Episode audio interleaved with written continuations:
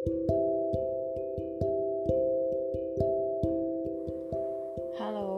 selamat pagi, selamat siang, dan selamat malam. Berjumpa lagi dengan aku, Setia Tia. Nah, bagaimana kabar kalian di tengah pandemi ini? Aku harap semuanya dalam keadaan baik-baik saja, penuh ucapan syukur, dan terus berusaha menggapai setiap apa yang kalian rindukan. Oke, pembahasan kali ini aku ingin berefleksi tentang jerawat. Ya, jerawat itu siapa saja bisa mengalaminya, entah wanita maupun pria. Entah kalian yang beranjak remaja, dewasa atau bahkan umur 30 tahunan ke atas bisa mengalaminya. Dan kebetulan aku pernah mengalami fase di mana mukaku berjerawat parah. Sekitar 2 tahun yang lalu. Ketika aku masih kuliah dan di masa-masa akhir perkuliahan, maksudnya tingkat akhir, aku mengalami yang namanya uh, jerawat yang parah. Mukaku merah, jerawatnya sakit. Kalau dipegang sakit, perih, bahkan kalau kena sinar matahari rasanya panas mukanya. Dan aku merasa there's something wrong with my skin gitu. Dan akhirnya aku mencoba untuk menggunakan skincare tapi belum ada hasil. Aku mencoba untuk ke klinik kecantikan dan bertambah parah. Mukaku bertambah merah, gatal dan rasanya kayak sakit banget. Bukan cuma melihat mukanya aja, tetapi perkataan orang yang lihat mukaku. Siapa yang pernah seperti itu? Kalian tidak sendiri. Aku pernah mengalaminya. Dan rasanya hmm, benar-benar bikin self confidence aku, rasa percaya diri aku jatuh jadi nol. Bener-bener ah nggak percaya diri. Mau lihat kaca aja jadi nggak mau. Kalau lihat kaca nih, nggak sengaja lihat kaca, nangis rasanya. Dan pernah suatu saat aku telepon temenku. Aku nggak suka sama muka aku. Aku nangis, bener-bener nangis. Tapi untungnya temanku kuatkan aku. Gak apa-apa nanti sembuh gitu. Oke. Dan akhirnya aku mencoba lagi mencari-cari produk yang cocok untukku. Dan puji Tuhan, aku menemukan sebuah produk skincare yang bisa menyembuhkan aku dari jerawat. Oke, sampai sekarang jerawatku sembuh.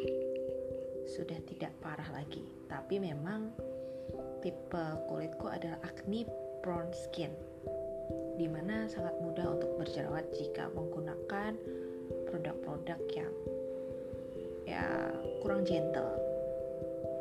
Gitu. Sembuh sekarang tapi ada tapinya nih. Perkataan orang yang pernah menjelekkan aku. Sampai sekarang itu nggak hilang dalam pikiran aku.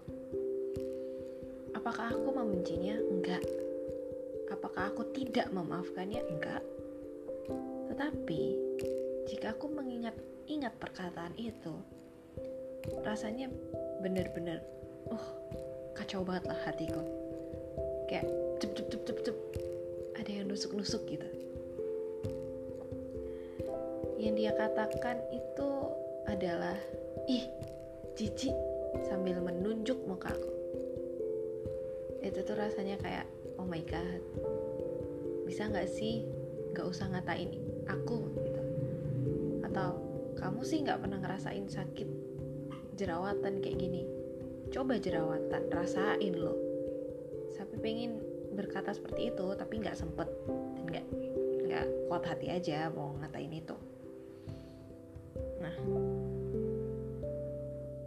memang lidah itu penentu hidup dan mati. Bukan cuma untuk diri kita tapi buat orang lain. Untung aja aku kebal. Maksudnya aku punya support system yang bisa membuat aku lebih positif walaupun hanya ada sepatah dua patah kata yang negatif untukku. Tapi bagaimana dengan orang lain? Ya bagaimana dengan mereka yang ternyata punya kecenderungan untuk lebih mudah menangkap sesuatu yang negatif, merepress itu dalam dirinya sehingga mempengaruhi self confidence-nya, mempengaruhi self image-nya. Dia nggak punya uh, penghargaan diri yang kuat untuk dirinya. Ya bisa saja itu mengacaukan mentalnya kan. Bisa saja itu membuat dia down. Maka dari itu lidah itu adalah penentu hidup dan mati. Bukan cuma untuk diri kita tapi untuk orang lain. Kita nggak pernah tahu orang lain itu bisa memfilter perkataan kita seperti apa. Apalagi tentang body shaming ya. Aku untungnya bisa kebal gitu. Walaupun memang sedikit membuatku breakdown menangis meratapi diri tetapi aku tidak sampai hanya diam saja.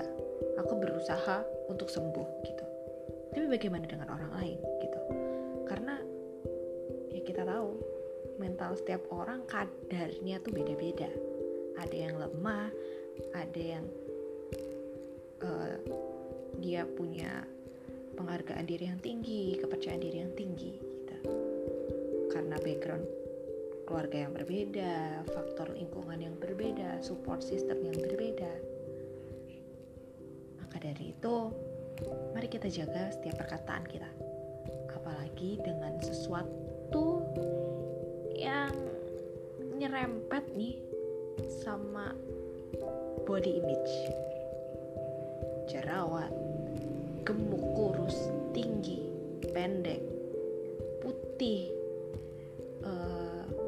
teman nah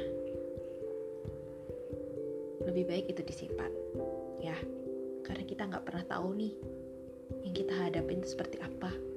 Siapa tahu kalau kita ngasih uh, perkataan semisal kita ngatain orang ih kurusan ya. Padahal sebenarnya dia berusaha untuk uh, memaintain dirinya untuk tidak kurus juga bisa.